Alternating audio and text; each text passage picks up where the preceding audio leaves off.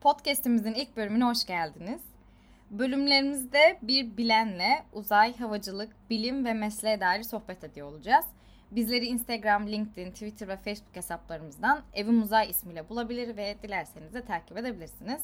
Bölüm duyurularımızı da bu mecralardan yapıyoruz. Dolayısıyla konuklarımıza soru sormak isterseniz fırsatı kaçırmamış olursunuz diyelim.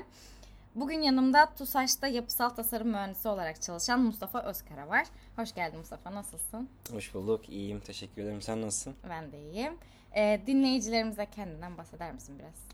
Tabii. E, merhaba herkese. Ben Mustafa Özkara. E, 2019'da Çankaya Üniversitesi Makine Mühendisliğinden mezun oldum. Üçüncü sınıftayken TUSAŞ'ın stajyer mühendis programına katıldım. Şimdiki adı SKY Experience diye biliyorum. E, mezun olana kadar bu programda devam ettim ve mezuniyetten sonra da staj yaptığım birimde işe başladım. O tarihten beri de yapısal tasarım mühendisi olarak çalışıyorum. Hı hı, süper. Ee, havacılık tutkunu biri olarak peki makine mühendisliği bölümünü seçmendeki sebep nedir? Ee, bu doğrultuda bölümün sana avantajı veya dezavantajı oldu mu? Olduysa da detaylandırabilir misin? Ya aslında şöyle benim hedefim pilot olmaktı ama o dönemde aldığım puan e, tam burs olarak pilotaj bölümüne yetmiyordu. Hı hı. E, küçüklükten beri uçaklara ve havacılığa hep ilgim vardı. National Geographic'te yayınlanan uçak kazası raporu belgesini izlerdim. e, hatta çoğu bölümünü ezbere biliyordum. E, üniversite sınavında pilotaj tutmayınca o zamanlar işte görüştüğüm pilotlar ve e, hocalar öncesinde makine mühendisi olmamın daha avantajlı olacağını söylemişlerdi.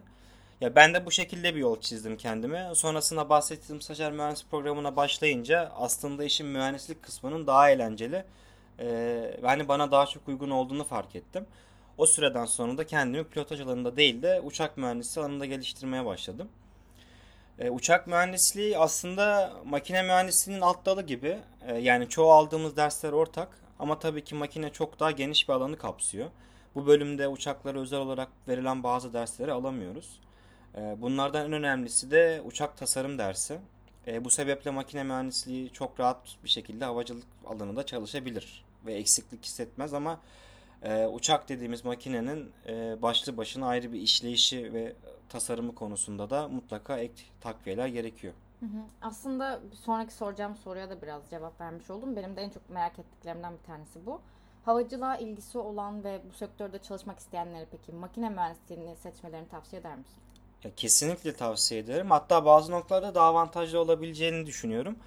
Ee, ama işte dediğim gibi havacılık alanındaki o eksik noktaların kapatılması gerekiyor.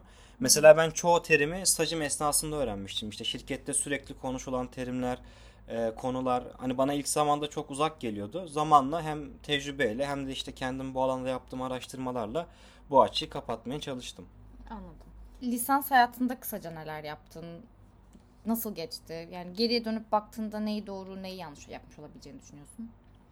E, lisans hayatında benim en çok dikkat ettiğim şey dersleri anlayabilmekti. E, yani ben derslerde hep en önde oturup dersi dinlemeye çalışan, işte anlamadığı en ufak noktaya bile soran, hı hı. E, dersleri kaçırmamaya çalışan kişi olmuştum.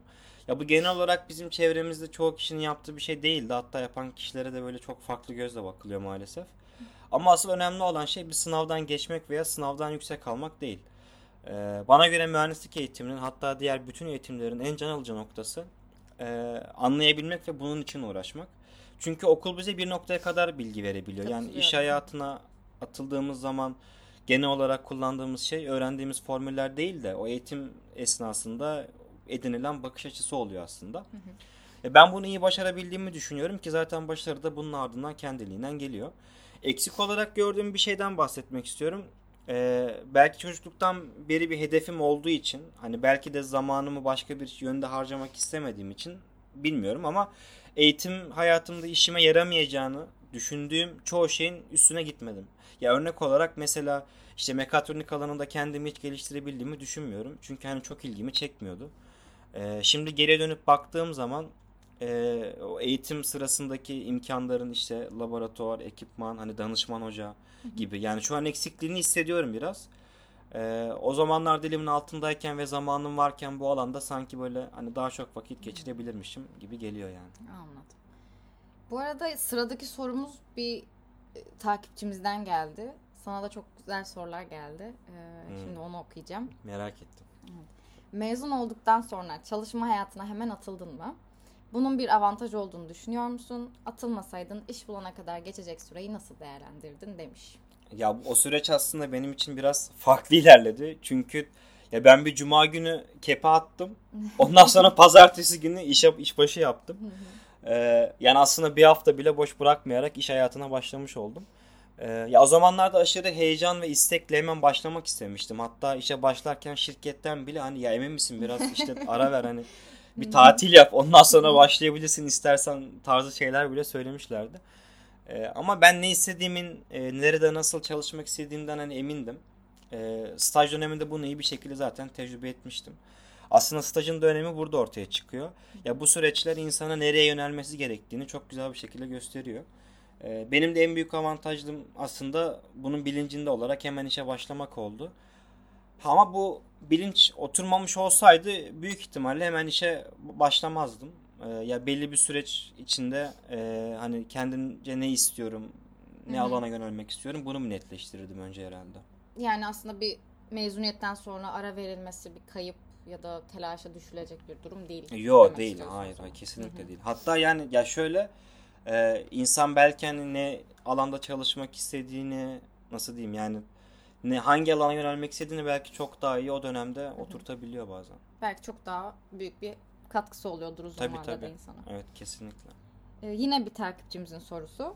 Mevcut olarak çalıştığın yerde daha önce staj yapmış mıydın? Cevabından yola çıkarak yapılan stajların önemi hakkında ne söylemek istersin? Yine biraz aslında cevaplamış da olduk ama evet, merak ediyorum. Yani, ne diyeceksin? Şöyle hmm, aslında bahsettiğim gibi stajların en büyük avantajı hani insana ne yapmak istediği konusunda mükemmel bir tecrübe sunmaları. Evet. Ee, ya bence mümkün olduğunca farklı alanlarda staj yapılması gerekiyor ki hani sonrasında hayal kırıklıkları olmasın. Hı hı. Ee, benim çok fazla arkadaşım işe başladığı yerde belli bir süre sonrasında o alanda aslında çalışmak istemediklerini fark ettiler. Ee, ya bu tabii ki yani geri dönülemez e, artık bir yol değil ama yolun en başında hani buna emin bir şekilde işe başlamak her zaman çok daha avantajlı oluyor tabii.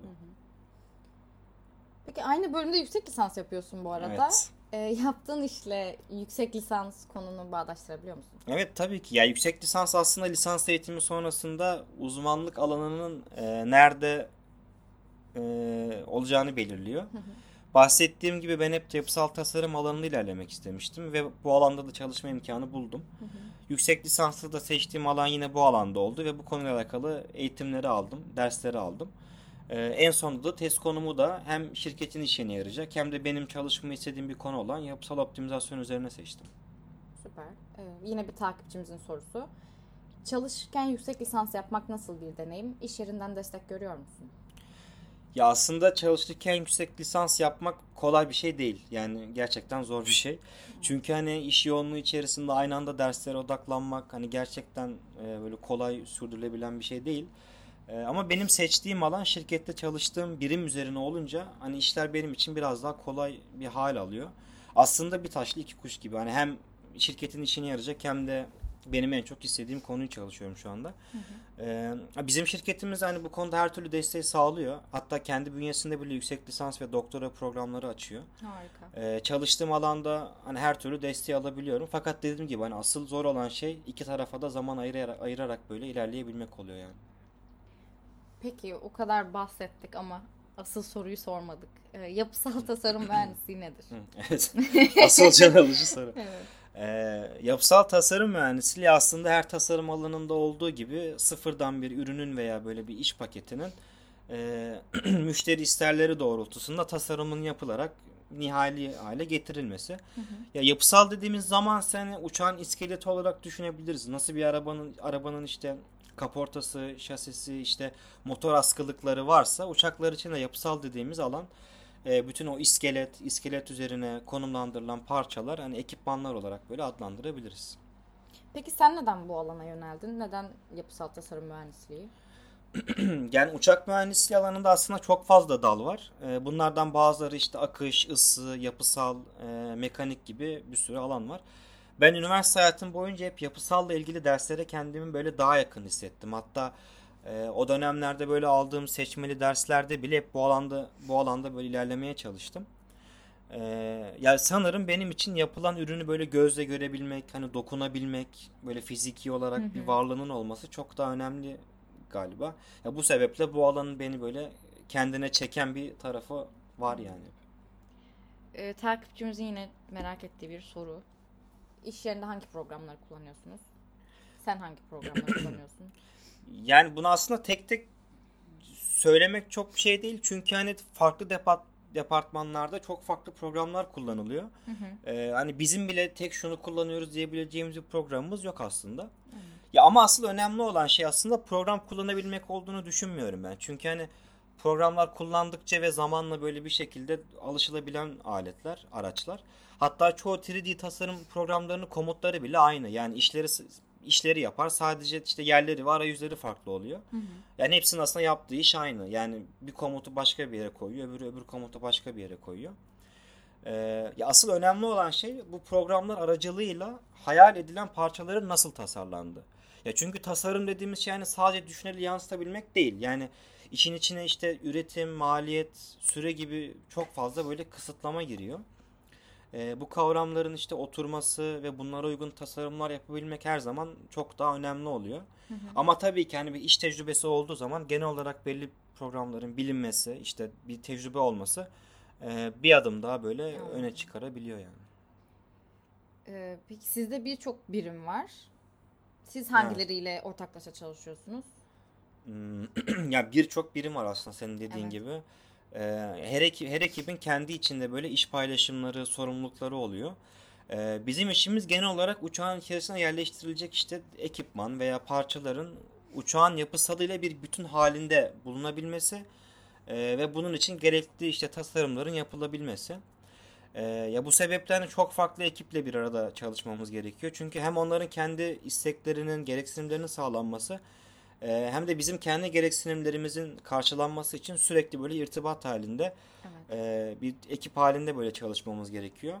Yani bizim konumumuz aslında böyle bir ara bir konum gibi. Yani biz sistem mühendislerinden aldığımız girdiler doğrultusunda tasarımlarımızı yapıyoruz ve üretime aktarıyoruz. Ee, en çok böyle ortaklaşa çalıştığımız ekipler aslında bunlar diyebilirim. Anladım.